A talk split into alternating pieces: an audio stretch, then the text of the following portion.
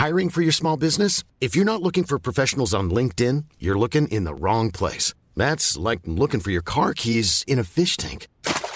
LinkedIn helps you hire professionals you can't find anywhere else, even those who aren't actively searching for a new job but might be open to the perfect role. In a given month, over 70% of LinkedIn users don't even visit other leading job sites. So start looking in the right place. With LinkedIn, you can hire professionals like a professional. Post your free job on linkedin.com slash people today.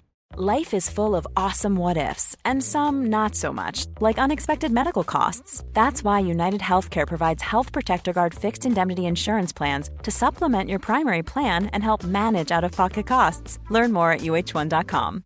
Hey, I'm Ryan Reynolds. At Mint Mobile, we like to do the opposite of what Big Wireless does. They charge you a lot, we charge you a little. So naturally, when they announced they'd be raising their prices due to inflation, we decided to deflate our prices due to not hating you. That's right. We're cutting the price of Mint Unlimited from $30 a month to just $15 a month. Give it a try at mintmobile.com slash switch. $45 upfront for three months plus taxes and fees. Promo rate for new customers for limited time. Unlimited more than 40 gigabytes per month. Slows. Full terms at mintmobile.com. Vi är denna vecka sponsrade av Indie Beauty. Och Sofie, det här tycker jag är extra fint och extra roligt. Ja men Indie Beauty är ju ett skönhetsvarumärke som jag tror att väldigt många känner till, men det jag älskar mest det är att Indie Beauty liksom vill vara mer än bara produkter, vilket de ju också är. Exakt. Indie Beauty står ju för Independent Beauty, skönhet på dina villkor och för din egen skull. Och Indie Beauty tror ju stenhårt på ett alternativt skönhetsideal fritt från måsten, skam och känslor av otillräcklighet. Där är jag helt med Indie Beauty. Jag med. Det är så jag vill att skönhet ska vara. Ja men verkligen. Och vet du vad som är nytt för i år Sofie? Berätta. Från och med i år så skänker Indie Beauty 1% av sin försäljning till Suicide Zero, Tjejzonen och Djurens Rätt. Så när man handlar produkter från Indie Beauty så kan man liksom känna att man också ger tillbaka till samhället. Ja, kraften i tillsammans. Ska jag säga en sak nu då, mm. som jag, det, men det är detta jag är extra glad över. Nu har Indie Beauty tagit fram en keps och den tycker jag ändå så, på sommaren, skydda sig från solen. Jättebra, jag älskar kepsen. Men det bästa, de bidrar till Suicide Zeros viktiga arbete för att minska antalet självmord och självmordsförsök. Så, för varje såld keps så går hela vinsten, 100 kronor, direkt till Suicide Zero. Då kan man liksom göra nytta både för samhället och sin hud på en och samma gång. Ja, och kepsen kostar 169 men alltså hela vinsten går då som sagt till Suicide Zero. Mm. Så om man vill göra skillnad när man är där ute i solen, nu när den börjar titta fram, då ska man välja den här kepsen. Den säljs exklusivt på indiebeauty.se och på Apotea. Tillsammans kan vi skapa en ljusare framtid. Vi ses med kepsarna på! Tack Indie Beauty! Vi är sponsrade av Mindler och som ni säkert vet sedan tidigare så är vi ju ute på psykologresan tillsammans. Men hur vet man egentligen när det är dags att söka hjälp? Ibland uppstår saker i livet som kommer utmana oss och kännas tufft. Det mesta självläker vi oss igenom, för vi är menade att ta oss igenom en viss mängd påfrestningar. Men ibland behöver man professionell hjälp för att ta sig ur jobbiga perioder i livet. Men vart går då gränsen? Vad är en del av livets skavighet och när är det läge att söka hjälp?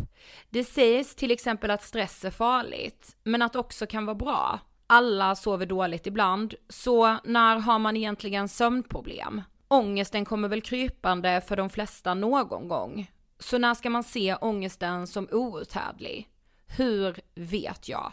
Med oss som psykolog har vi såklart min gamla psykolog Linnea Seidbrant. Men Linnea, vad är egentligen utmattningssyndrom? Utmattningssyndrom är en konsekvens av svår och långvarig stress utan möjlighet till återhämtning. Mm. Vi är ju då skapta för att klara av stress, men vi behöver också återhämtning. Om du utsätts för för mycket stress under en lång period utan att du får till den nödvändiga återhämtningen så kommer kroppen till slut att säga ifrån. Och det är faktiskt så att alla har en gräns.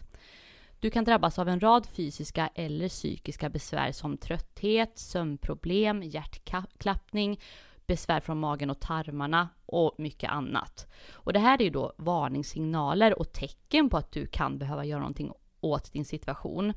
Annars så kan besvären utvecklas till att du mår så dåligt på sikt att du blir psykiskt och fysiskt utmattad. Ladda ner Mindler till din telefon och läs mer på mindler.se.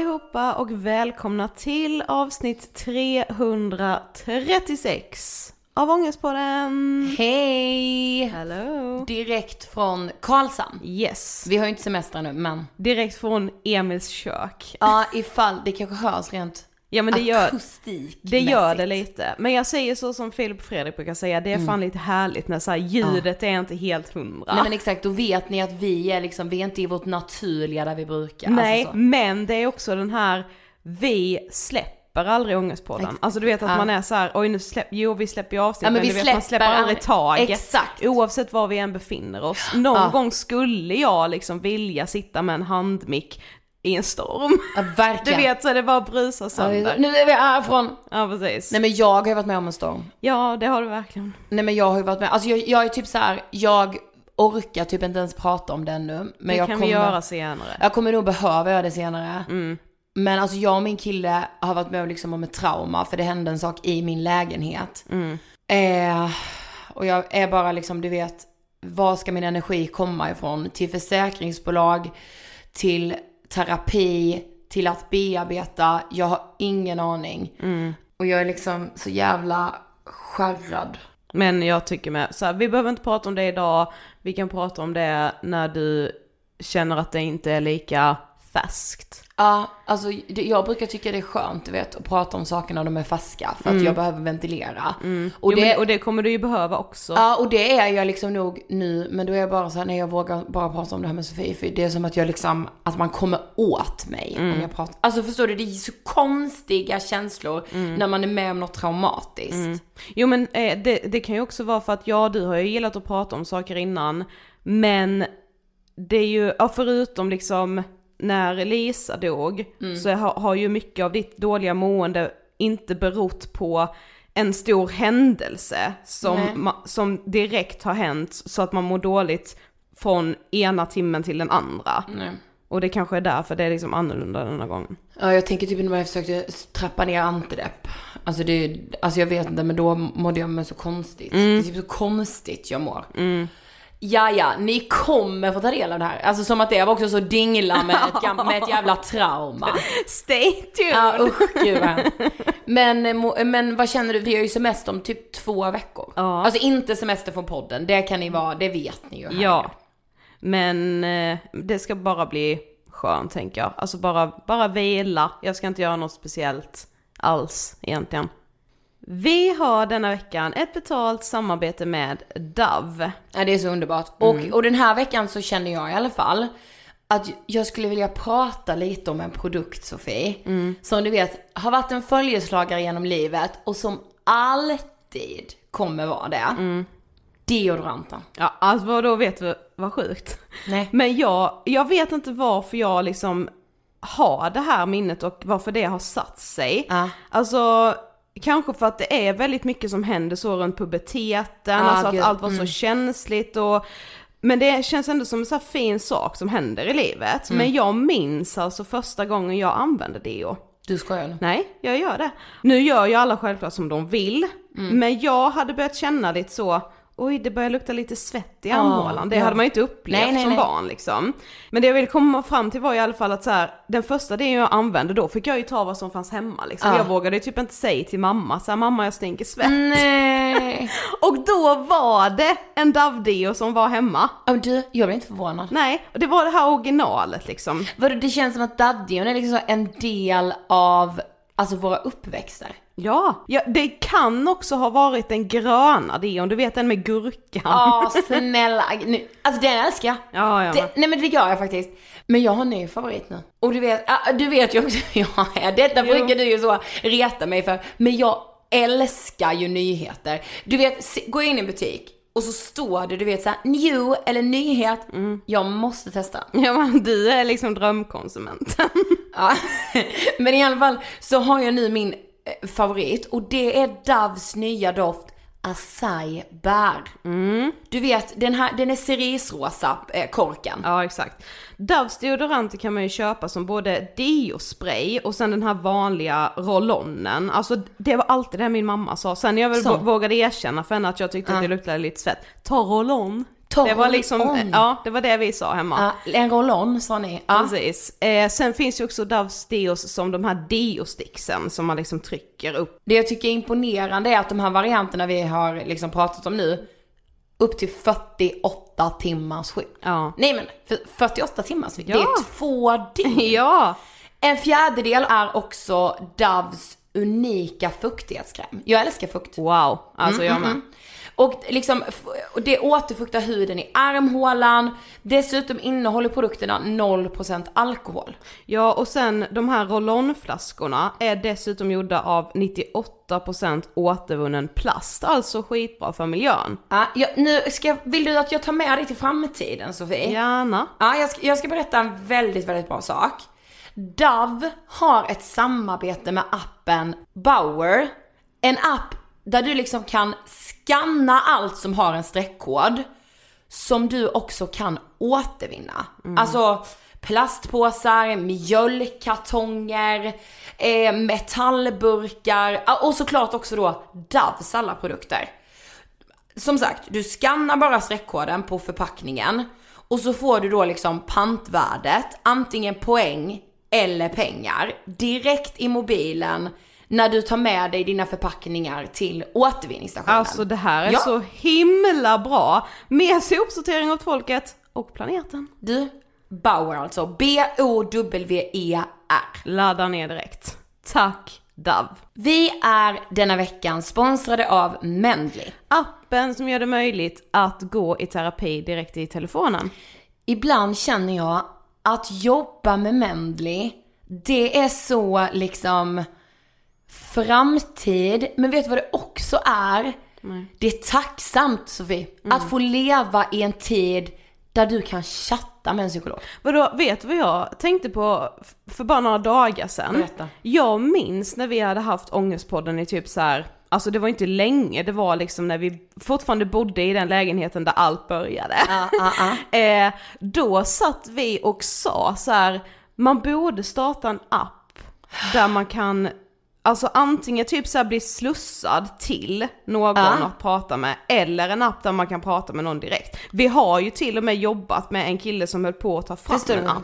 Eh, sen så krävs det ju så himla mycket av det och vi hann ju liksom aldrig riktigt med. Men det var ju typ Mendley vi tänkte på där och då. Kan du fatta? Mendley var ju steget före oss hela tiden. Ja det var de ju, men att vi ändå lever i en tid där man kan gå i terapi varifrån man än befinner sig så länge man har sin telefon. Jag vet, alltså det är ju så coolt. Och Ja. Mendley erbjuder ju som sagt chattterapi, KBT via chatt med legitimerade psykologer och terapeuter. Och du loggar in med mobilt bank-id så allt är ju liksom väldigt säkert. Ja, det kostar 100 kronor per vecka. Och för att chatta med en terapeut så behöver du vara 18 år. Man kan skriva när man vill, få svar flera gånger i veckan och man behöver alltså ingen tidsbokning. Nej, och det är ju så skönt. Alltså nu är det ju snart exakt ett år sedan jag började i terapi hos Mandy. Just det. Och det var ju första gången jag gick i terapi. Och jag kan ju ändå liksom fortfarande känna att jag har med mig saker från Ja. den, de veckorna när jag liksom Men hade min har ju- stadiga kontakt. Alltså man har ju det, för alltså det är ju, det blir ju livsförändrande saker. Ja, alltså att gå i terapi, det är en livsinvestering. 100 För procent. man har med sig saker, lika mycket som man har med sig saker som händer i livet, alltså så här ups and downs, de bär man ju med sig någonstans och de ger ju en ändå någonting. Lika mycket ger själva terapin som man ibland behöver för att ta sig igenom väldigt tuffa Ja. saker. Ja men såhär, mår du inte bra, kom ihåg att investera i dig själv och i livet. Ja, Tack för att man kan göra det hos er, Mendley.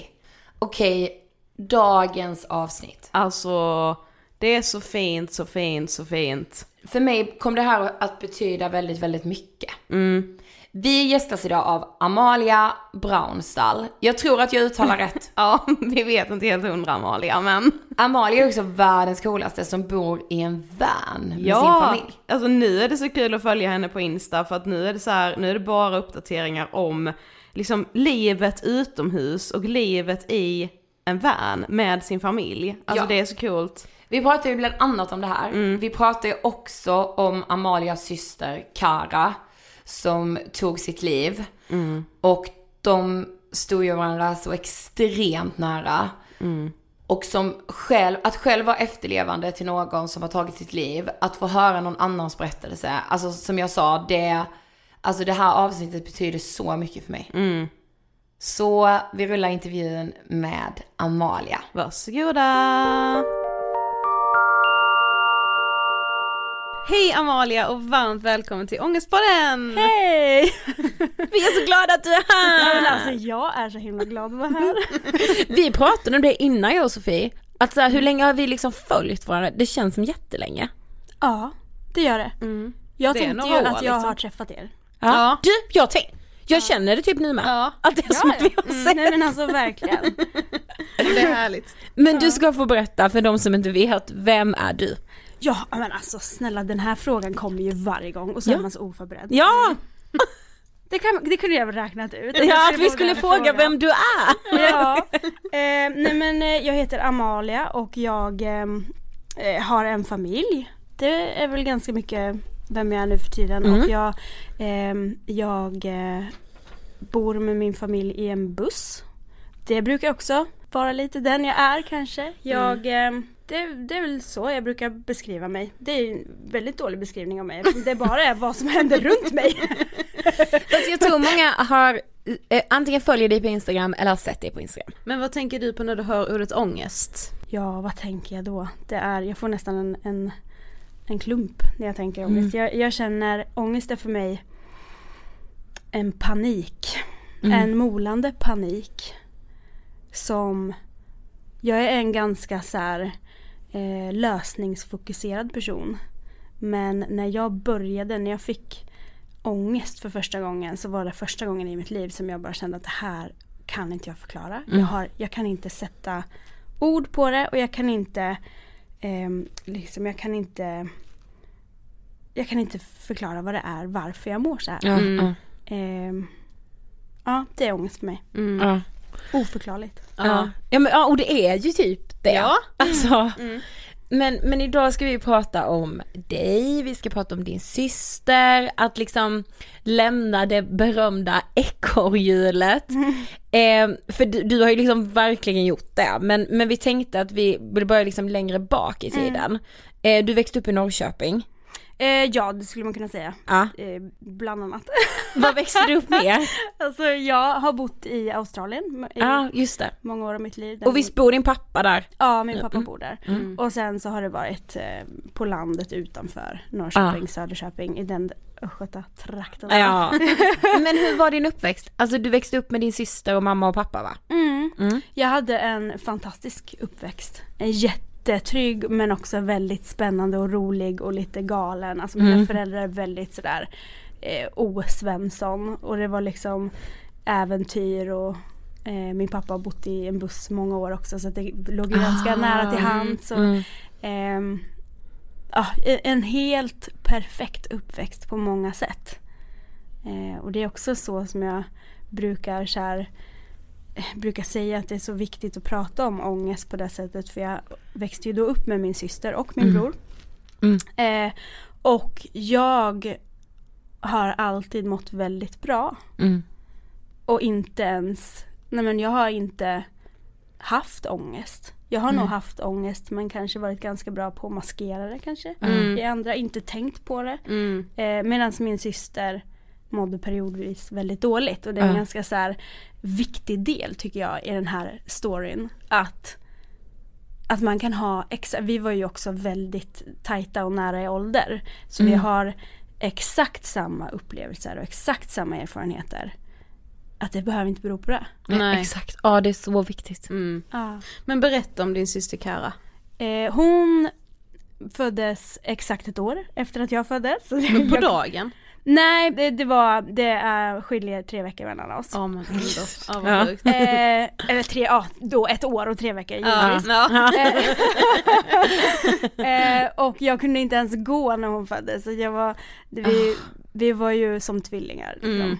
Eh, och extremt nära och eh, jag brukar nästan beskriva att jag brukar nästan tänka att hon, jag var nog närmre henne än vad jag var mina föräldrar. Att hon och jag blev liksom, vi blev, var alltid, vi kallades för tjejerna och inte Kara och Amalia liksom. Eh, så att, eh, och också så tror jag att vi blev så extremt nära för ni vet när man får tvillingar Ja. då är man ju så noga med att de ska bli sina egna personer. Mm. Men det blev ju inte så för oss för att vi var inte tvillingar. Nej. Så att vi blev väldigt, jag identifierade mig väldigt mycket som Karas syster och hon som Amalias syster. Mm. Så vi var, eh, ja och hon var, man, jag brukar säga det att så här, tycker man att jag har mycket energi, vilket jag brukar få höra, då har man aldrig mött henne. För det var liksom jag gånger tusen. Och så här otroligt karismatisk och liksom social och bara fångade in alla liksom. Och bara ja alla älskade henne. Och alla kände sig också, det märkte man på hennes begravning för att det, det, var så, det är så många, eller eh, efter att hon hade dött, det är Ja. så många som så här, såg sig själva som Karas bästa vän. Typ. Ah. Man bara fast Va? så här, hur kan ni känna er så speciella när jag kände att jag fick all Ja, Ni och det vet, är så så här- fint ju! det är så Alltså, jävla jävla fint för hon var så genuint intresserad av alla människor och bara fick alla att känna sig sedda. Mm. Liksom. Sen nästan spärrade in ögonen i folk och bara Även fast inte hon var intresserad bara Va? Du gillar att fiska? Okej! så här. Och bara, Ah. Tyckte inte hon var kul men, men man, man liksom kände sig så himla sedd, alla Mm. omkring henne. Så hon var, eh, jag avundades det väldigt mycket men också, var också alltid väldigt stolt över att vara hennes, eh, hennes syster. Mm. Men ja, Men var er relation nära liksom genom hela livet? Alltså även tonåren, alltså? Ehm, vi hade en period i tonåren då, vilket jag tror så här är ganska också en vanlig så tvillingegenskap nästan, att man så här, man har, man, man identifierar sig själv som varandras syskon och ingenting annat. Och sen så, så här, man, vi hade samma kompisar, vi gjorde samma saker hela tiden och så här, vi sjöng och dansade och hade samma intressen och, ehm, och sen så när, man, när vi började högstadiet så var det som att vi så här, försökte typ skaffa lite kompisar på egen hand. Mm. Lyckades. Men sen hittade vi tillbaks till varandra. Så det var, och alltid liksom när vi var, var hemma så var det ju som vanligt. Så det, Ja. Men jag tror att vi behövde den liksom, Mm. tiden att bara att hitta någon, alltså inte bara vara varandra. Nej. Men Kara hade ju ändå perioder där hon mådde lite sämre liksom. Mm. Pratade ni om hennes ångest alltså under er uppväxt eller liksom pratade ni om psykisk ohälsa? Förstod du att hon mådde dåligt och liksom? Eh, Det förstod jag alltid. Jag förstod alltid att hon mådde dåligt i perioder. Men jag var ju den, så här har det varit ända in i vuxen ålder, att jag var ju den som fick henne all övrig tid. Medan när hon mådde dåligt så var hon hos mamma typ. Och så var det ju, även när hon var vuxen så sov hon hos mamma när hon mådde dåligt. Och jag fick henne liksom, mamma brukar säga det bara, nej men när jag, när jag inte hör något från er då vet jag att det är bra liksom. Aha. Så att, eh, ja så att jag, jag, var, jag var mycket väl medveten men inte på vilken nivå Nej. det var. Nej. Och hon, alltså saker som, som hände när vi var små vilket jag då tyckte var så här, inga konstigheter för man vet ju inget annat då Nej, heller. exakt. Eh, har jag ju förstått idag som i vuxen ålder. Och så jag hatar att kalla mig själv för Ja, vuxen. visst gör man. Ah, man bara, Ah, Men vad ska man säga då? Nej, när I lite jag äldre ålder. Ja. Eh, nej men eh, du, nu har jag ju förstått att saker och ting som hon höll på med som barn inte var kanske jättevanligt eller sunt eller Ja, så. mm. Eh, som att hon alltid skulle ha koll på vart mamma var. Jag kommer ihåg vi, vi satt och tittade på TV på övervåningen. Eh, och då så satt jag i soffan och Kara satt i trappen. För att ha koll på ytterdörren så att inte någon skulle gå ut. Jaha. Alltså så här, och det var ju helt normalt. Det var alltid så, Kara satt i trappen och jag satt i soffan. Ja. så här, men i Ja, man har ju inget att jämföra Nej med, men så så här, nu förstår man att det, att, att ha den känslan att jag ska bli lämnad hela tiden. Exakt. Och, eh, att någon kommer att gå ut från dörren och aldrig mer komma tillbaka. Och det är ju inte normalt när man är barn. Nej, precis. Eller vuxen för den delen. Nej, Nej. nej, exakt. Men som 22-åring så får ju Kara en bipolär diagnos. Mm. Alltså hur levde hon med den diagnosen? Var det liksom, alltså när hon fick den, var det som en lättnad? Eh, både ja och nej tror jag. Mm. Eh, hon var väldigt sådär eh, kunde säga ibland att jag är inte min sjukdom. Mm. Att det blev väldigt så här att hon kände att allting skylldes på hennes ja, ja. diagnos. Ja, Ja. Det tror jag är vanligt. jag tror också det var nog svårt för henne att så här, förhålla sig till att vara den personen som har bipolär sjukdom. Mm. Snarare än att vara Ja, bipolär. exakt. Mm. Liksom.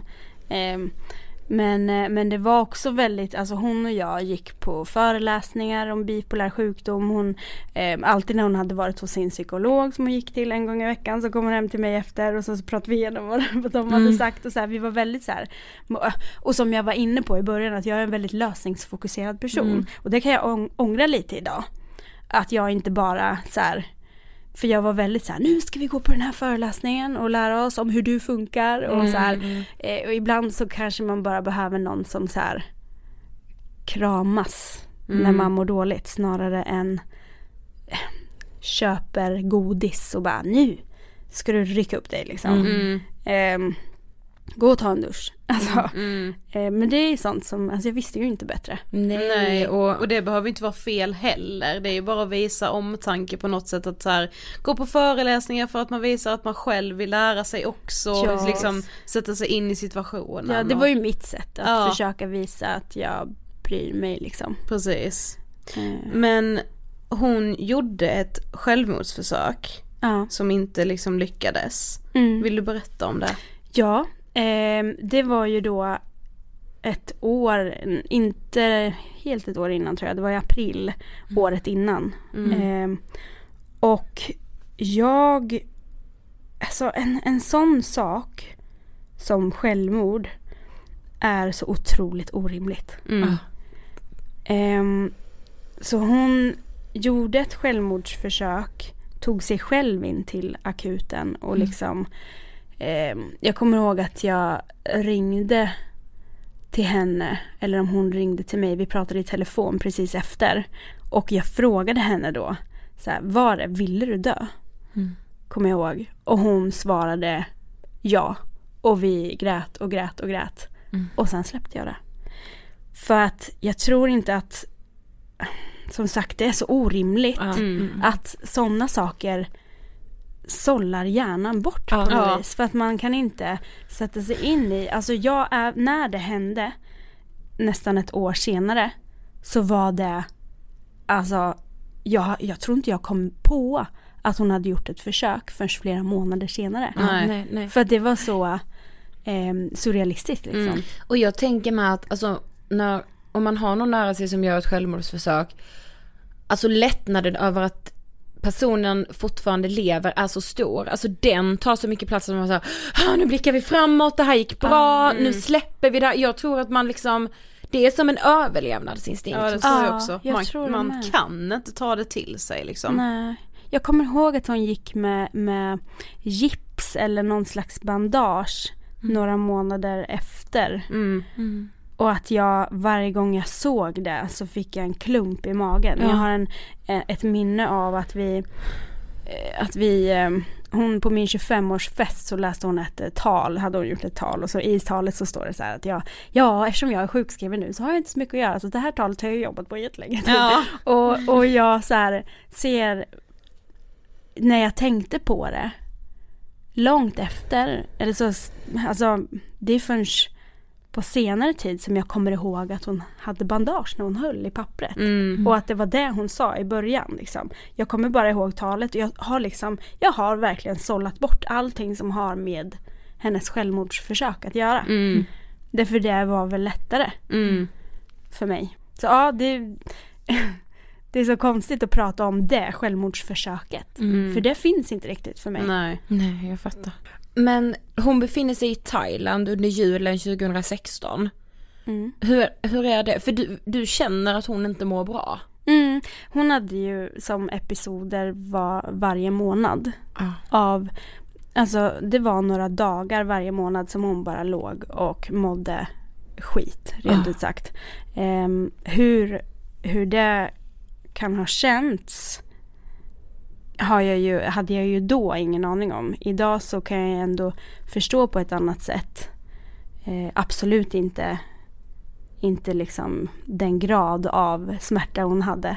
Men jag kan ändå sätta mig in i det på, eftersom att jag själv utvecklat ångest efter mm. att hon dog. Mm. Om man kan beskriva det så, jag vet inte ens om det är någonting som man kan utveckla men eh, om hon kände ens i närheten av vad jag kände när hon dog. Mm. Och sen inte heller och sen inte heller hade en förklaring till varför hon mådde så, då förstår jag ju tusen procent liksom.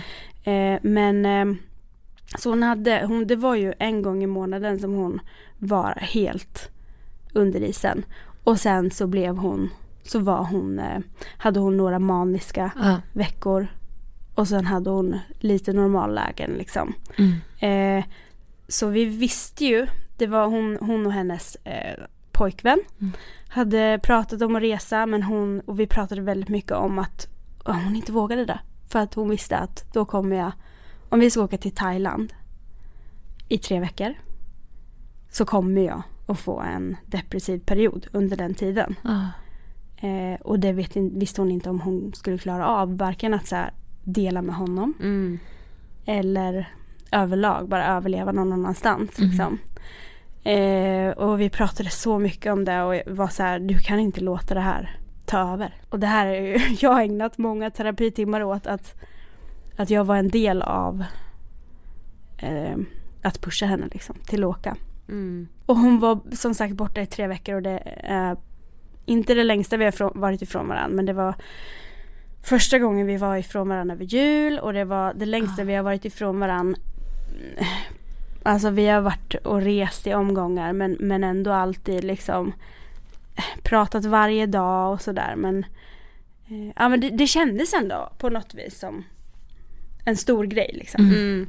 Eh, så när hon skulle åka så var det som att jag Jag sa så här, nej men snälla, alltså jag sa, vi sa inte hej då ordentligt för att jag bara, nej men måste vi Kan vi inte bara säga ses sen och så Jag vet inte ens om jag kramade henne, jag, jag vet inte om Jag tror inte jag gjorde det. Mm. Eh, eller snabbt så här.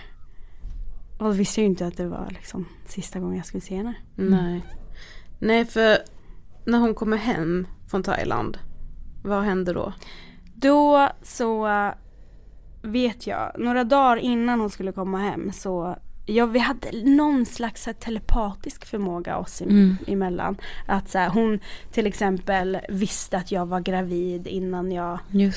Innan jag ens visste. Alla gångerna hade hon drömt om att, att jag var det och så här, eh, Och jag kände på mig när hon hade När hon när hon var på väg ner. Mm. Eh, så jag vaknade på natten och så skickade jag på Snap så här, eh, hur är det, jag har en jobbig känsla i magen typ. Och så fick jag på morgonen att ja ah, nej men nu, nu är det inte bra liksom. Eh, så jag visste när hon kom hem att hon skulle må dåligt. Ah, mm. eh, och jag var ganska rädd för ångest. Mm.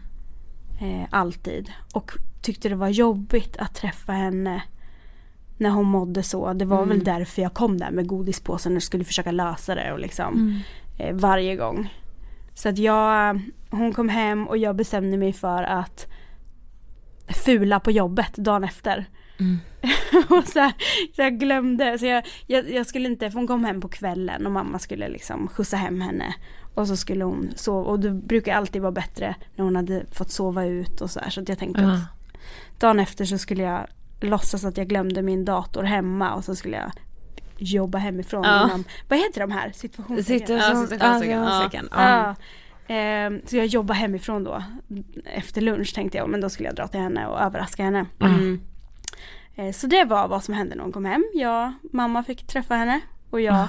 undvek det. Mm. Vilket är ångestmoment nummer två. Mm. som var så här, alla de här grejerna bara, all, alla konversationer vi någonsin har haft, alla de här små detaljerna har jag ju ägnat så mycket energi och tid och terapitimmar till mm. i efterhand.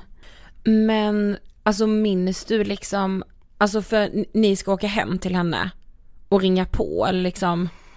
Mm, eh, hon min mamma hade varit där och hämtat hennes hund på morgonen. Okay, hon hade uh. en hund och när hon mådde dåligt så orkade hon inte riktigt ta hand om honom och gå ut med honom och sådär. Så mamma mm. åkte dit och Ehm, och ehm, det hör till saken hör att jag, hon brukar ju som sagt drömma om när jag var gravid. Och under jul och nyår så hade jag gjort ett test för att de eh, misstänkte att det var något fel på barnet i min mage. Som jag, jag var kanske vecka 16 eller någonting då tror jag. Eh, då hade jag gjort ett test och väntade på provsvaren om allt var bra. Och i och med att man gör det här testet så får man också reda på vilket kön barnet har. Och det visste Kara.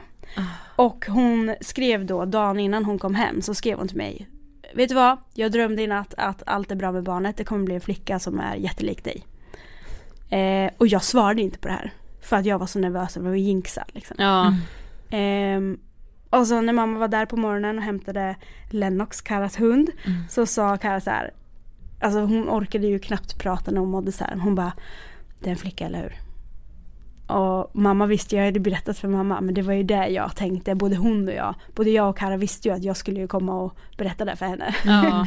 Eh, och det var ju det jag tänkte göra, det var därför jag skulle åka dit. För att så här, dels för att träffa henne men också överraska henne och säga liksom du hade rätt. Mm.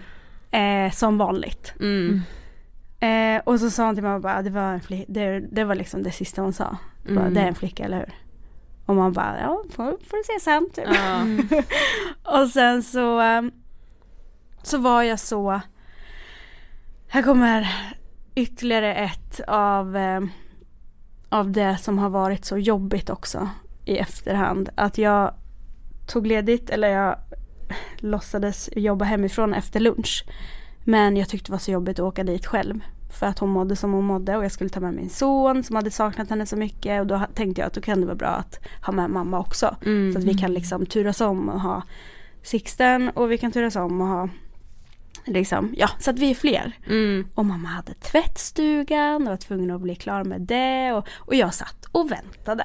Mm. Och bara vänta och vänta på att mamma skulle bli klar. Och sen så tog jag inte bilen till förskolan och hämtade Sixten. Utan jag skulle ta snowracen. Och gå med honom hem till Kalle. Så det tog så lång tid. så Jag var inte där förrän fyra kanske. Mm. Och då så var det ju jag och mamma och Sixten stod utanför. Det var släckt och låst. Ehm, och alla visste ju, vi visste ju att hon var där inne. Mm. Ehm, och fick en dålig känsla. Så det var ju, jag kommer ihåg jag, jag hade köpt ett Kinderägg till Sixten för att han blev tröttnade på att åka snowracer för det var ganska långt. Alltså det var så konstigt beslut överhuvudtaget. Så vi satt där och pillade på det här Kinderägget och lite nervöst liksom. Och, och mamma ringde till polisen och polisen kom och började så här ropa i brevlådan och där satt Sixten och bara jo men hon bor här, hon är här och det och försökte liksom Mm. Ehm, och så försöker man samtidigt, jag kommer ihåg jag blev arg på henne för att jag kände att så här, polisen bad oss att ringa alla Karas kompisar för att se om hon hade gått någonstans och jag kände så här, fan ta henne om hon har gått någonstans Mm, utan att höra av sig. Det är väl mig hon ska höra Ja, av sig exakt. till om hon Mm. börjar må bättre liksom. Mm. Vi vet ju att vi ska ses.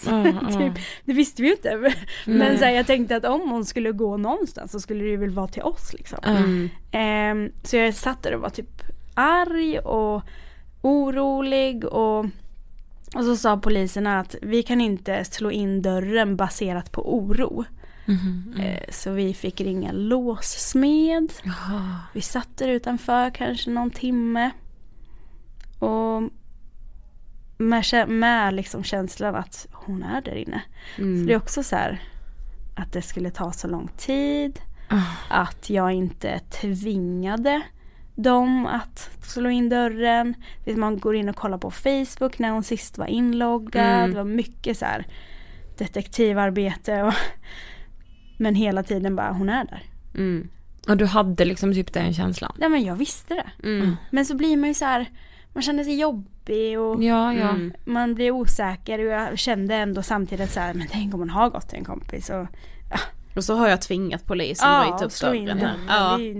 Det skulle inte vara klokt liksom. Nej. Och sen så kom Robin, min sambo, och hämtade Sixten i samma veva som låssmeden kom. Mm. Och jag och mamma fick stå utanför, utanför liksom porten. Medans poliserna, det var två poliser som gick in. Och vi... Oh, det, och det är så konstigt för att det är också en sak som har så här, det, hur, hur hjärnan fungerar. Mm. Att man bara det är som att när något traumatiskt händer så bara blockerar man ut saker. Man kommer ihåg saker som är så här, känslor och fakta bara rörs samman. Ja. Eh, för jag är helt, jag var så säker på väldigt länge att det regnade den här dagen. Jag har en bild av att det regnade och att jag var barfota. Men jag tog ju snowracen. Ja. Så det regnar ju inte. Nej. Och så här, sådana grejer som att det här kom jag också på flera månader efter. När jag började liksom Ja, ja. komma till det stadiet. Att jag började gräva i detaljer så. Mm. Ehm, och så stod vi där utanför och höll i Karas hund som också började trampa och var liksom nervös. Och vi, och vi stod där jätte jättelänge. Eller vad som kändes som jätte Ja. jättelänge. Och ehm, så sa, så kommer jag ihåg att jag, var, jag blev bara argare och argare och så här, sa till mamma att de är två poliser som har gått in där. Varför kommer inte en av dem ut och berättar hur det är? Eh, och mamma sa så här att nej men det, de pratar ju med henne nu. De, klart, hon blir ju jätterädd när det kommer in två poliser i lägenheten. Och, Så nu, nu lugnar de de vill, de vill inte gå ut och liksom oroa henne utan nu, nu pratar de och sådär. Och i samma veva så börjar vi höra liksom sirener. Och ja, det var, därefter är det ju bara kaos. Ehm, jag tror låsmeden kom ut och liksom öppnade portdörren. Och vi bara, ska de hit? Och, och han så här nickar lite, Mm. lite så här beklagande. Mm. Och det kom så mycket bilar och det var så mycket, jag bara ser ett blinkande liksom. Ja.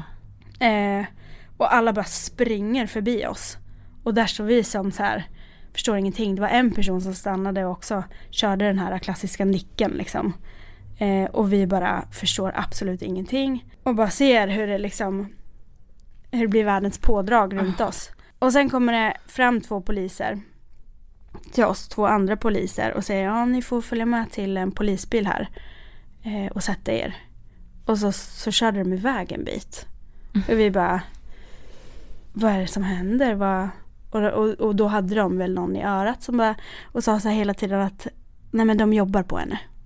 Mm. Så jag hade ingen aning om vad de jobbar på eller vad som så här pågick eller vad som var så här.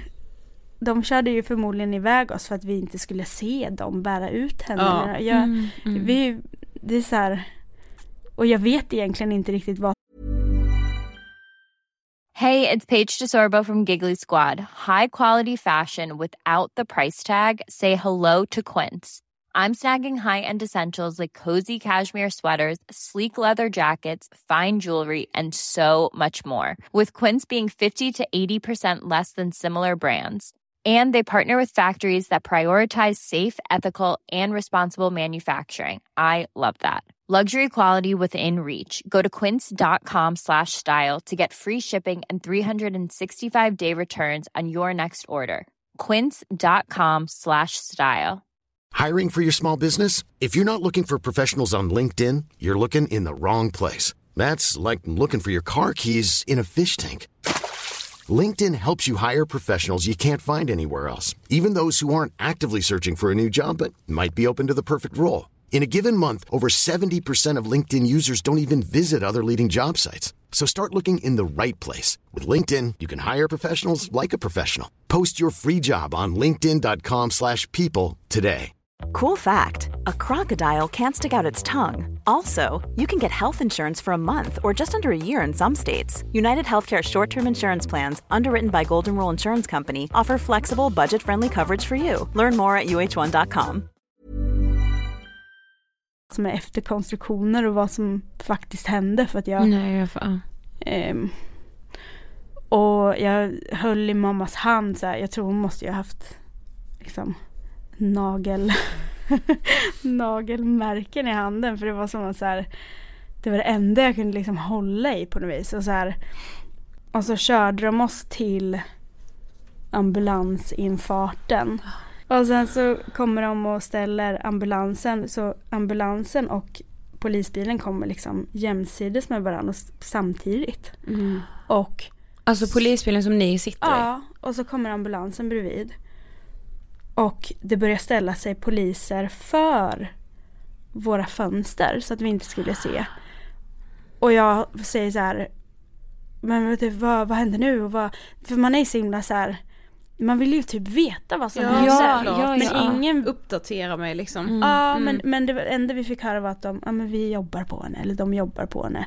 Och, eh, och så förstod jag att okej det här får inte vi se, så jag tog tag i mamma och så här, nu om du får inte titta nu och så här, titta där och så tittade jag så höll jag koll på att hon inte tittade hela tiden. Mm. Och sen så efter ett tag så öppnar de våran dörr och vi får liksom gå in. Eh, och då när vi kommer som, det är som en stor dörr. Och sen ser jag hur det är lite öppet som en springa in till eh, Nej det var helt öppet först. In till vad jag, jag förstår var där de jobbade på henne. Ja. Och, eh, och jag bara okej men nu ska vi gå förbi den här öppningen. Så här, men vi har inte fått sett något innan. Ska vi verkligen Ska vi verkligen gå förbi där? Och så står det någon nervös sjuksköterska där och bara nej, eh, nej vänta ett tag. Och så stänger de igen och då stänger de igen så pass eh, lite eller vad man säger så det är en liten springa in till det där rummet. Mm. Så jag vet att jag kan titta in. Mm. Men samtidigt så var det som att man bara Fast jag kan inte göra det om de verkligen inte vill att vi ska se. Alltså man, jag var så förvirrad och Ja, ja, ja. sa till mamma hela tiden bara nu, nu tittar du inte in, nu tittar du inte ditåt, titta ner i marken. Jag höll koll på att hon tittar ner i marken. Mm. Och när vi går där båda två tittar ner i marken så ser vi som spår blodblandad, ja men blodblandat vatten som spår in till det här rummet. Mm. Och sen så kommer vi in till då ett rum och får sitta där i vad som känns som en evighet. Ehm, och till slut kommer in då en, en läkare som och då är vi fortfarande, vi har fortfarande ingen aning. Så det är ingen som liksom har, alltså har Det är ingen sagt, som säger att så här, det är ett självmordsförsök Nej, eller liksom. nej. Ingen, Vi har ingen aning. Och så kommer det då en läkare in som som sätter sig bredvid oss och bara så här. Nu har vi försökt att återuppliva Kara i två timmar. Och hon kommer inte att komma tillbaka. Om hon kommer tillbaka nu så är det inte hon. Då kommer hon vara ett paket. Mm. Så vi vill be er om, om liksom tillåtelse att, eh, att avsluta. Och så frågar hon om vi vill, vill ni komma med och se? När vi liksom försöker. Och jag får någon knäpp och bara, vadå tror du att det, tror du att det hjälper? Så här, fick någon bild av att jag skulle stå liksom Ja, och heja på henne och Ja, komma tillbaka precis. på något vis. Och, och hon bara nej, nej. Det kommer inte, hon kommer inte komma tillbaka men vissa vill liksom se att vi har gjort allt. Eh, och så, eh, och vi bara nej. där, det måste, alltså jag tänker bara att där måste man så, vad är det här för fråga? Ja verkligen. Det var som att så här, nej men som sagt jag fick ju världen så här, okej. Nu, nu ber de mig att göra en insats här. Mm. Men det var ja, jättekonstigt. Och, och sen så eh, går hon ut och så kommer hon tillbaka efter ett tag och sa att nu är hon borta liksom. Mm. Och så fixar de en, eh, ett rum så vi skulle gå och gå in och liksom och, och säga hej då. Det, det ska man ju göra. Men jag, jag har ju hört så här, alla säger ju att det är så bra att se människor som har dött för att man ska förstå. Mm. Men den bilden av henne eh, satt fast i mitt huvud så fort jag blundade liksom. Mm. Såg jag det. Och det var att komma in i det här rummet och var fortfarande vara i sån chock. Och fortfarande vara i sån så här inte förstå liksom. Mm. Och sen se henne ligga där. Det var bara och det var, hon hade liksom en min som hon inte brukar ha. Mm. Det var inte så fridfullt som man hoppas att Mm. det ska vara. Nej. Det är ju, många säger ju att så här, nu när de är döda så är det så här. Man ser ändå att de ska se så här fridfulla ut. Precis. Men eh, nej, det, Men hur blev liksom närmsta tiden för dig och din familj efter det här? alltså direkt efter det var jag tvungen att ringa min pappa i Australien och bara Hej, nu ligger du och sover Mm. på natten. Nu måste jag säga någonting som, alltså så här, det var ju bara så jävla konstigt. Mm. Och han sa bara, "Ja, jag kommer. Och, och tog ett flyg liksom, får sitta, var tvungen att sitta på ett flyg. Åh gud.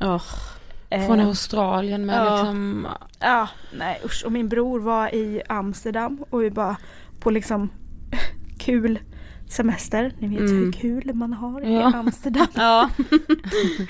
eh, man var tvungen att ringa till han liksom innan nyheten når, hon, når honom på Ja. andra. Alltså det är som sagt hon var ju så, alla älskade henne klart som fasen det skulle komma ut liksom. Mm. Och, ehm, så, och han också får sätta sig på ett flyg och det var, den första natten var ju så här. Nej men alltså som sagt så fort jag blundade så såg jag den här bilden av henne som bara var Jag önskar inte min värsta fiende Nej. att se någon man älskar på det här viset liksom. Eh, och jag, jag kommer ihåg när jag såg henne så Alltså jag bara föll ihop liksom. Jag bara slängde mig över henne för att Inte för att så här Alltså Det var en så konstig så här jag, jag kunde inte stå typ. Mm. Och jag har aldrig förstått den grejen. Förrän nu.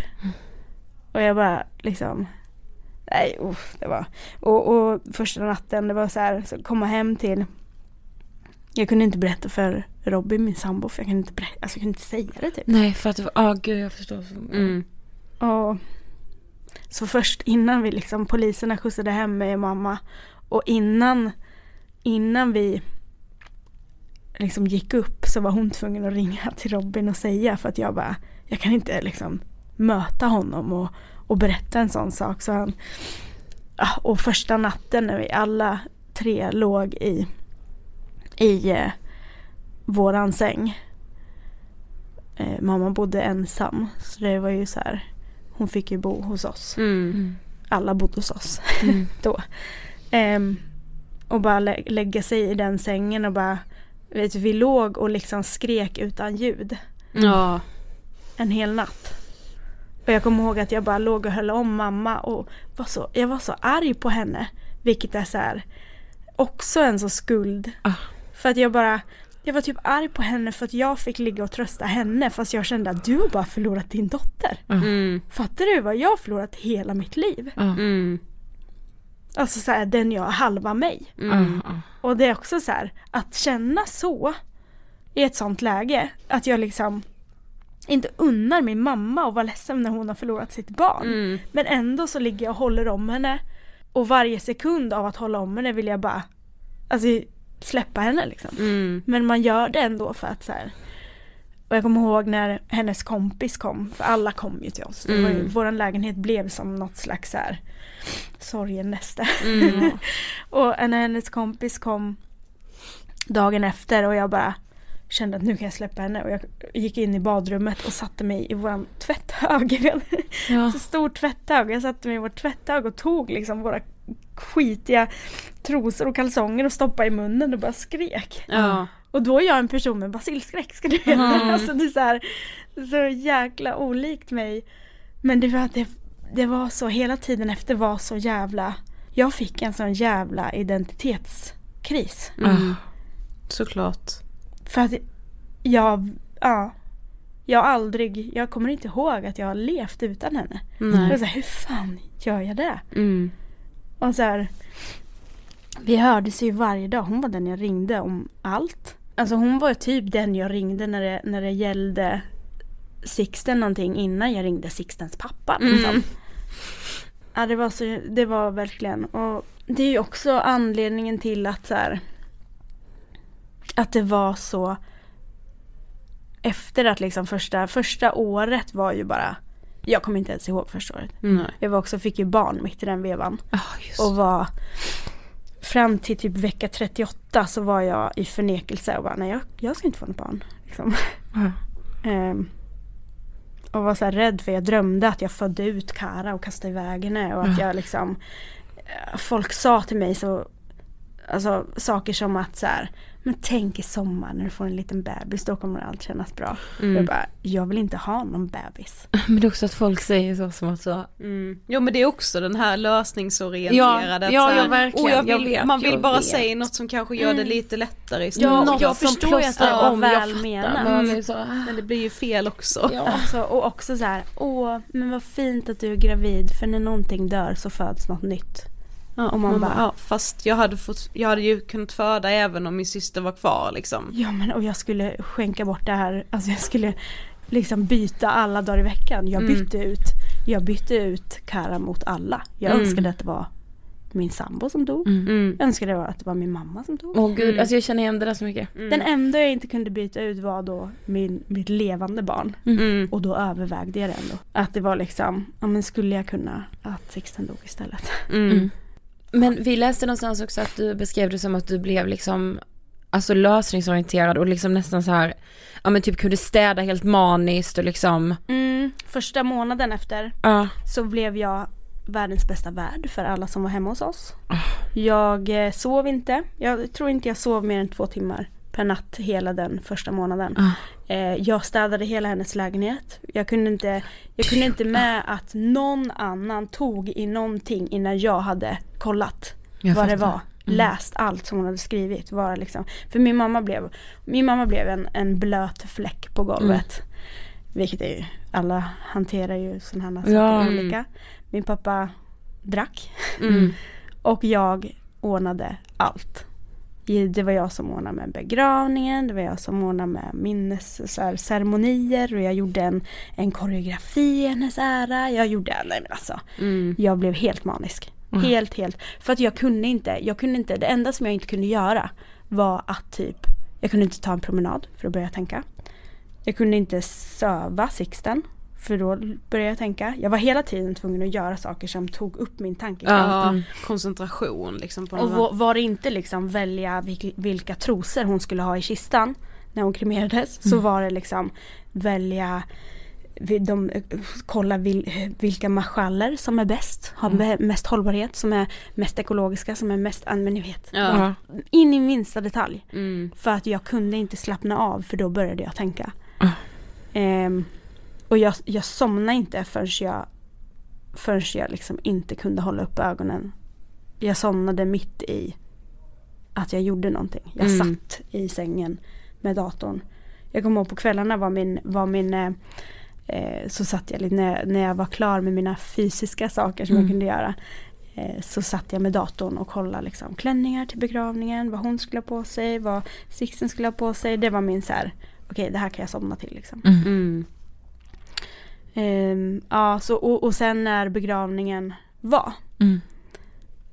Det var ju mitt projekt då hela första månaden. Just det. Och då började jag, när folk började liksom trappa av lite. Vi hade typ en fest, alltså Mm. på hennes favoritklubb efter Mm. begravningen. Mm. Ja, det var jättefint och alla började dansa och det var så här, jag hade en, en grön jätte så här flådig paljettklänning på mig. Och det var så här, för att jag bara kände att snälla hur många fester missar vi, vi inte nu? Mm. Alltså hennes bröllop, typ mitt bröllop, alltså så här, eh, men eh, alla, hennes 25, hon skulle ju fylla 25. Mm.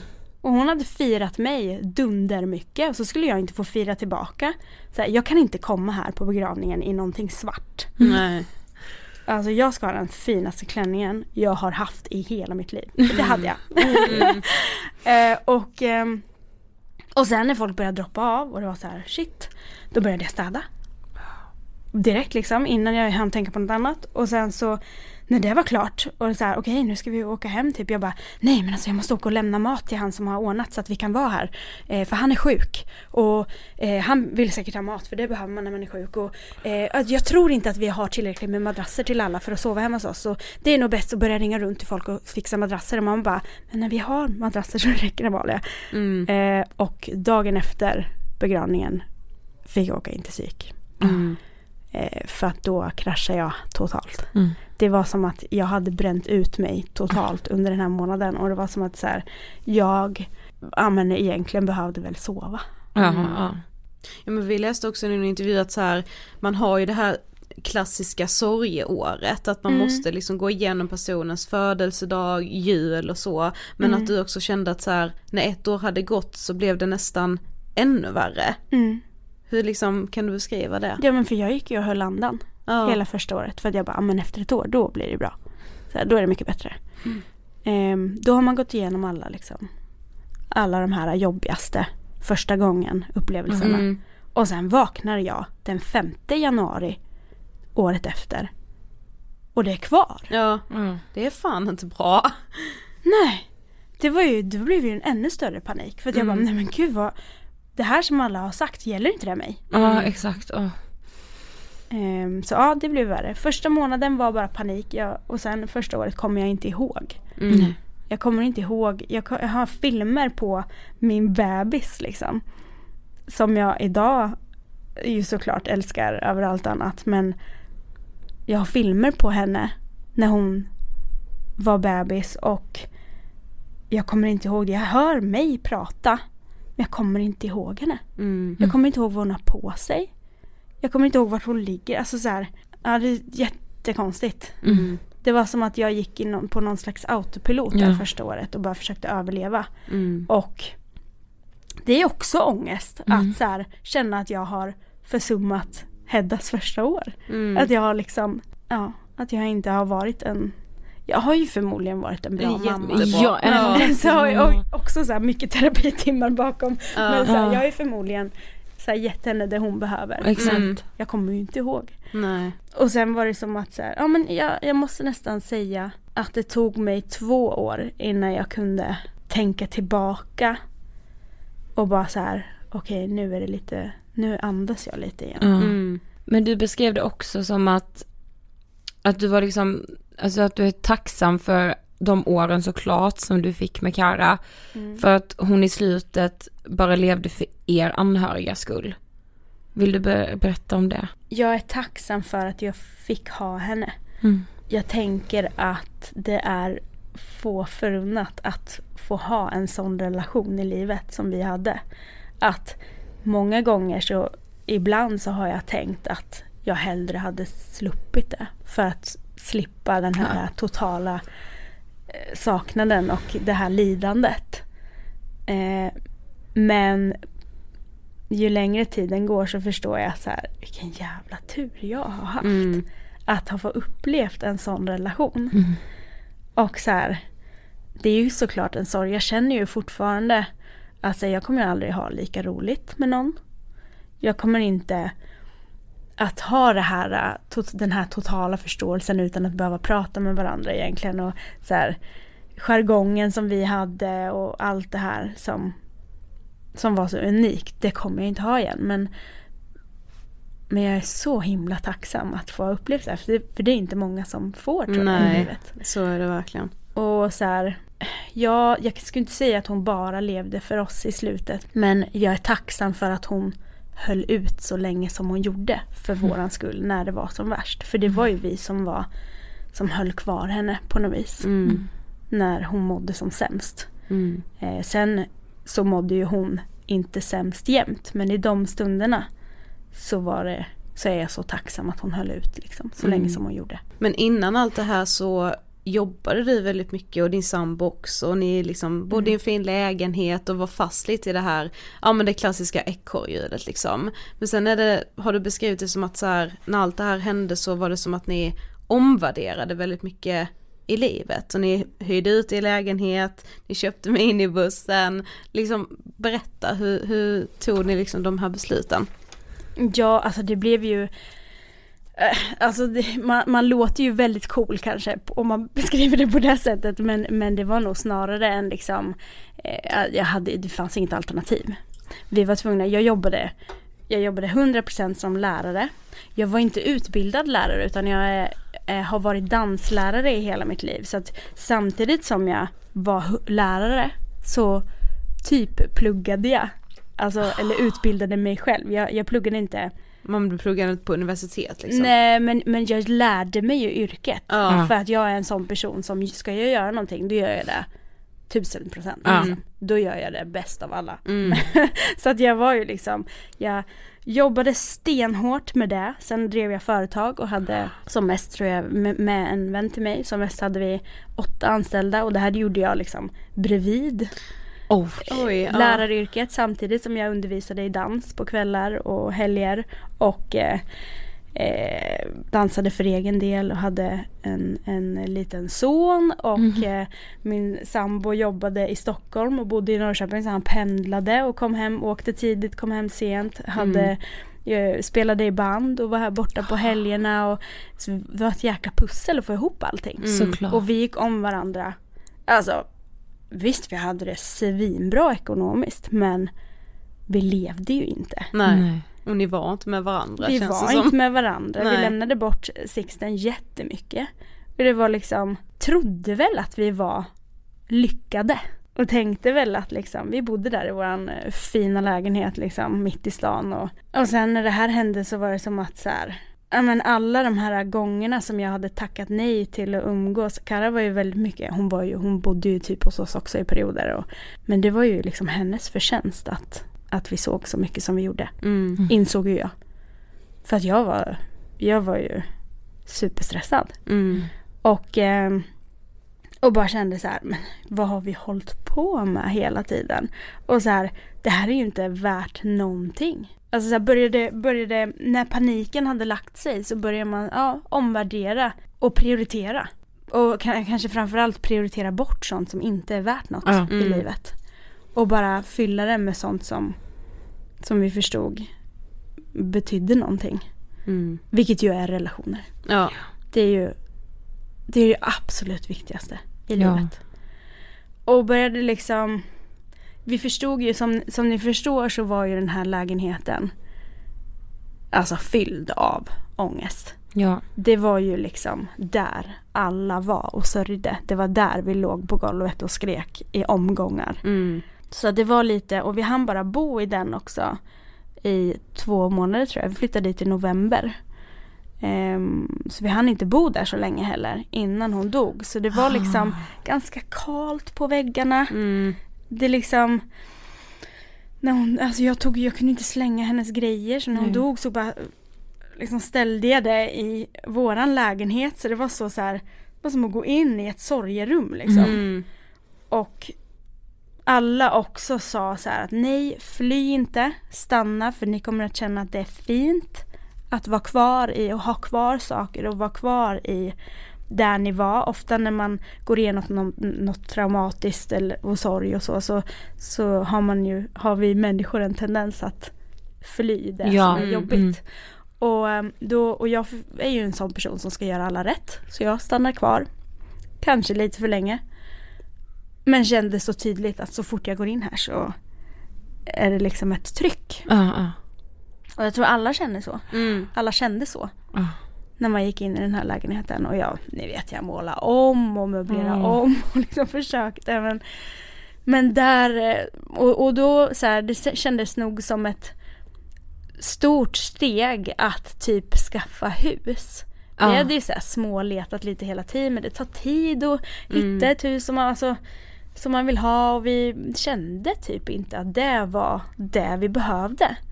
Utan så här, både jag och Robin sa upp oss direkt när vi, när Kara dog. Aha, ja. Det var liksom, jag, först var jag sjukskriven Ja. och sen bara För det var också Jag liksom hade en klass, jag var klassföreståndare för en klass, en årskurs fyra Och blev ombedd att inte prata med dem om vad som hade hänt mig Och då här, här är, jag, här är jag liksom väldigt nära min klass Som jag sa, som jag, sa jag, jag gick in tusen procent Ja. Ja.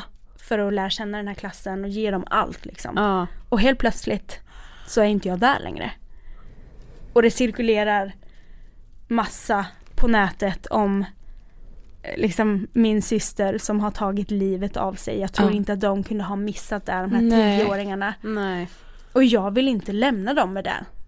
Alltså dels inte lämna dem med, med liksom osäkerheten av att så här, är det dem, är det dem jag lämnar? Mm. Jag vill inte lämna dem med massa frågetecken. Jag vill att de ska kunna ställa frågor. Och, eh, men då när jag bad dem att få komma och träffa klassen och prata om det så, så sa de att nej vi vill inte eh, att det ska röra upp för mycket känslor. Men, Och jag var så här, Alltså fast det är ju det man vill. Alltså, Ja. Om det kommer upp känslor så är det väl det jättebra. Ja, och fint liksom. Ja. Alltså, Och så här, och prata med, och det är ju så här, också bara för att jag har gått igenom den här grejen har ju inte jag helt tappat min pedagogiska förmåga. Nej. Alltså, precis. ju Tvärtom skulle jag ja, säga. Jag är ju Alltså- fortfarande jag. Ja. Precis. Och vad helt- ger det för signaler? Ja. Ja. De har förmodligen förstått vad som har hänt. Mm. Men de lär sig också då att, och det ska jag absolut inte prata Nej. om. Det här är måste vi vara tysta om. Ja. Ja, Så att, det är eh, så fel på alla ja. sätt. Ja men eh, jag gick emot det och Ja. eh, hörde av mig till en eh, fritidspedagog som jag var nära där jag Ja. jobbade och så gick jag dit ändå. Mm. Och så skrev jag ett mail till alla föräldrar som hon kunde skicka ut. Och Mm. bara det här har vi pratat om idag. Ehm, jag tror till och med hon skickade innan att det här kommer Amalia komma och prata om för att era barn har förmodligen jättemycket Mm. Frågor. frågor. och, Ja. Mm. och så pratade jag, skrev jag jättelångt om hur man kan prata om det med hem, där hemma, hur man kan följa upp och så här. För jag var ju alltså, jag hade ju som sagt, jag liksom jag skulle ju lära mig allt Mm, om mm. självmord, om ångest, om liksom, Mm. för jag är en sån person. Och de tackade mig för, jag fick jättemycket tackmail från föräldrar för att så här, jag hade kommit och, och de fick ställa frågor och jag pratade också om den här grejen om att så här, vi har samma uppväxt, samma uppväxt. Ja, precis. precis. förklarade liksom att det handlar om ke- kemisk obalans, det kan handla om en kemisk obalans i hjärnan Mm. som, som behöver liksom och att så här, försöka prata om att vara lyhörda för hur man själv mår och hur Mm, andra mår exakt. och liksom ja så det var men, men då kände jag redan innan i och för sig men det, då blev det ännu mer så här, jag kan inte jobba med det här jag kan inte, jag vill inte jag ska göra skillnad på riktigt Ja. Nej, men jag, ja. ja, jag fattar. Men, Ehm, ha- men hade du liksom typ tidigare drömt någon gång om att säga jag vill lämna allt, jag vill, alltså leva minimalistiskt, alltså nej för det är så jävla coolt.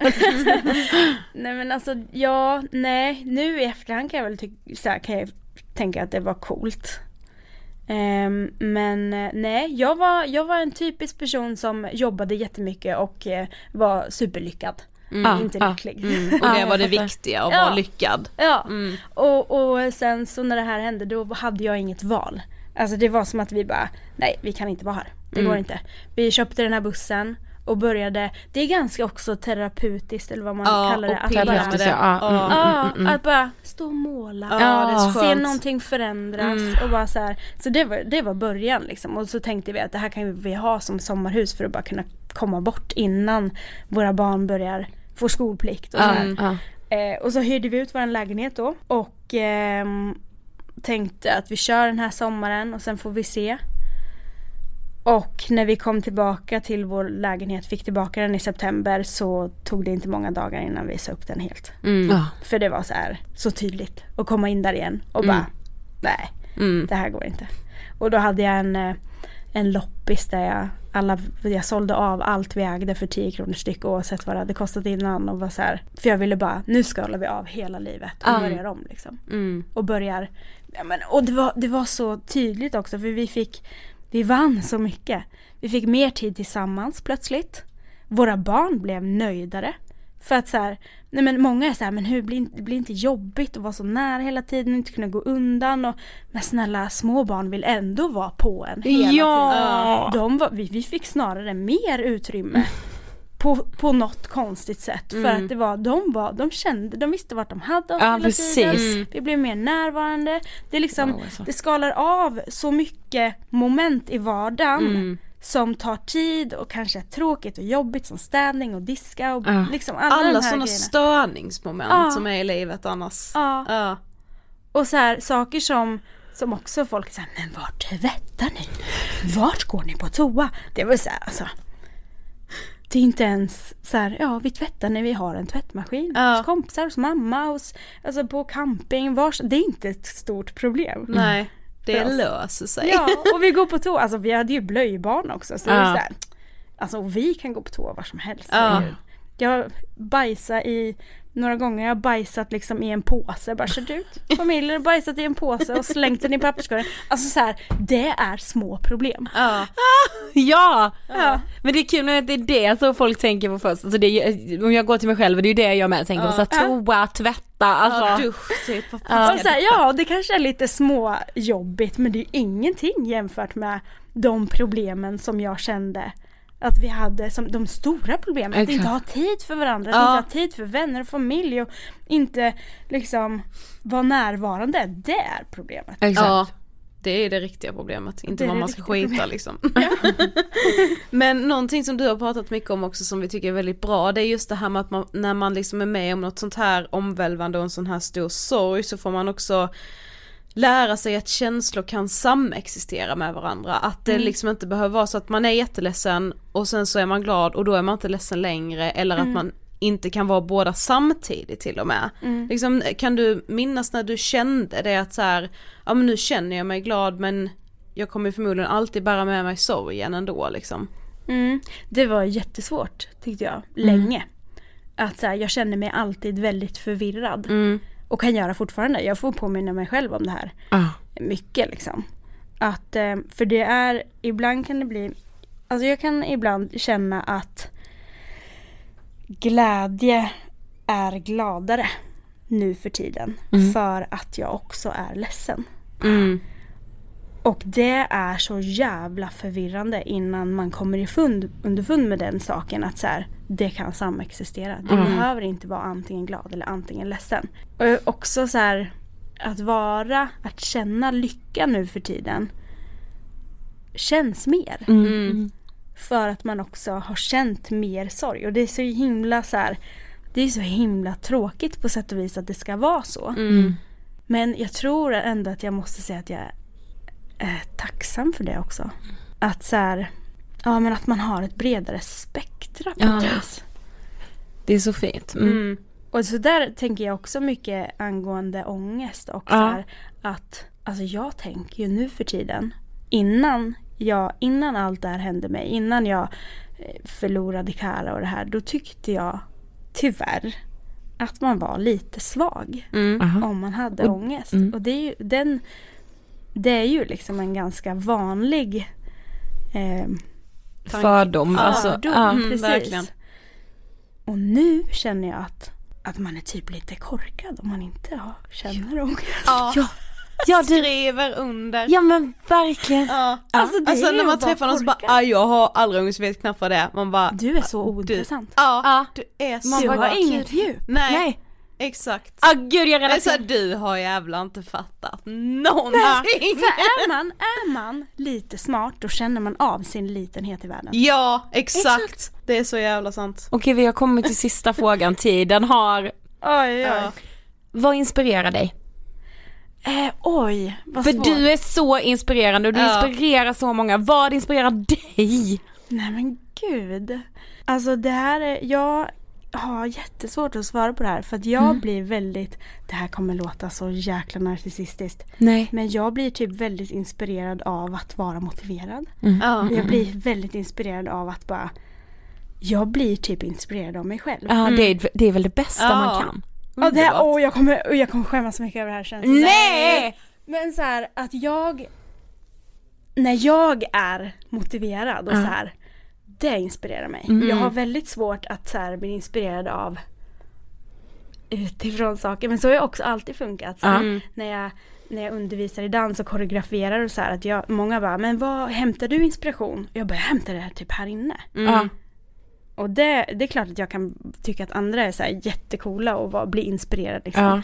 Men det som inspirerar mig mest och ger mig mest drivkraft är när, när jag känner så här, det kommer inifrån. Ja, Ja, gud, det jag där kan jävla relatera. anammat. Ja men jag kan relatera, alltså just när du säger motivation med, när man själv känner att man är motiverad, det är ju helt underbart. Alltså, Eller när man har fått någon anledning till att bli lite extra motiverad Ja. till någonting. Och liksom den anledningen kanske har kommit utifrån men motivationen kommer Exakt, inifrån. och det är den som är inspirerande. Ja.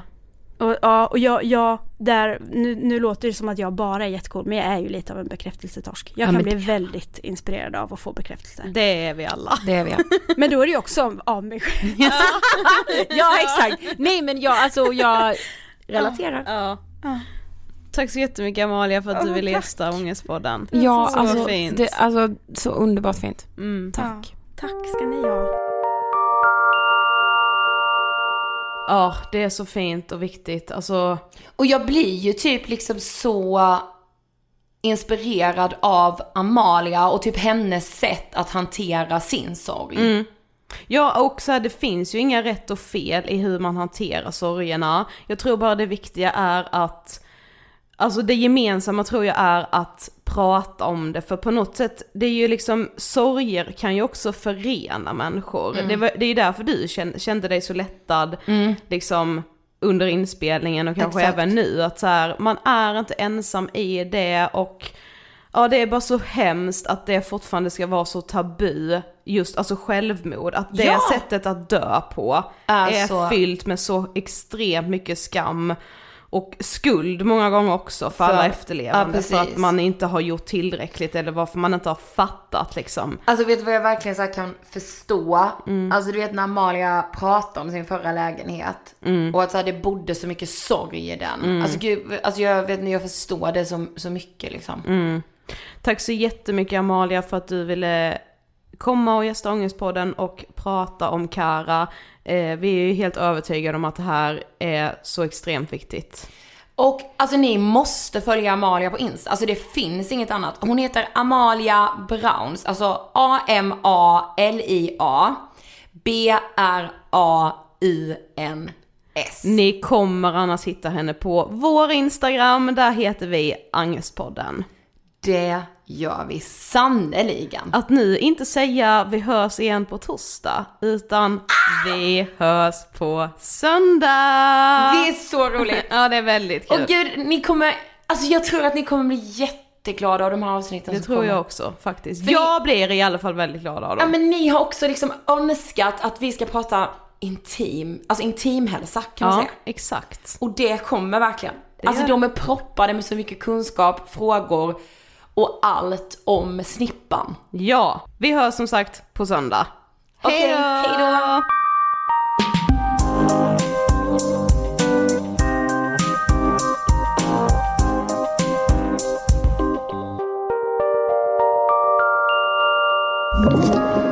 Podplay.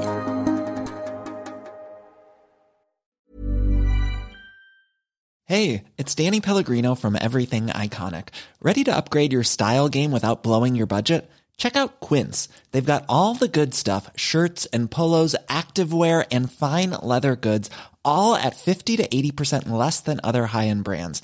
And the best part? They're all about safe, ethical, and responsible manufacturing. Get that luxury vibe without the luxury price tag. Hit up quince.com slash upgrade for free shipping and 365 day returns on your next order. That's quince.com slash upgrade. Mom deserves the best, and there's no better place to shop for Mother's Day than Whole Foods Market. They're your destination for unbeatable savings, from premium gifts to show-stopping flowers and irresistible desserts. Start by saving 33% with Prime on all body care and candles. Then get a 15-stem bunch of tulips for just $9.99 each with Prime. Round out Mom's menu with festive rosé, irresistible berry chantilly cake, and more special treats. Come celebrate Mother's Day at Whole Foods Market. Hey, it's Paige DeSorbo from Giggly Squad. High quality fashion without the price tag. Say hello to Quince.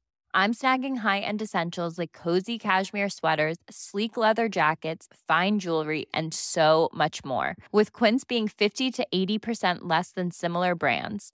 And they partner with factories that prioritize safe, ethical, and responsible manufacturing. I love that. Luxury quality within reach. Go to quince.com slash style to get free shipping and 365 day returns on your next order.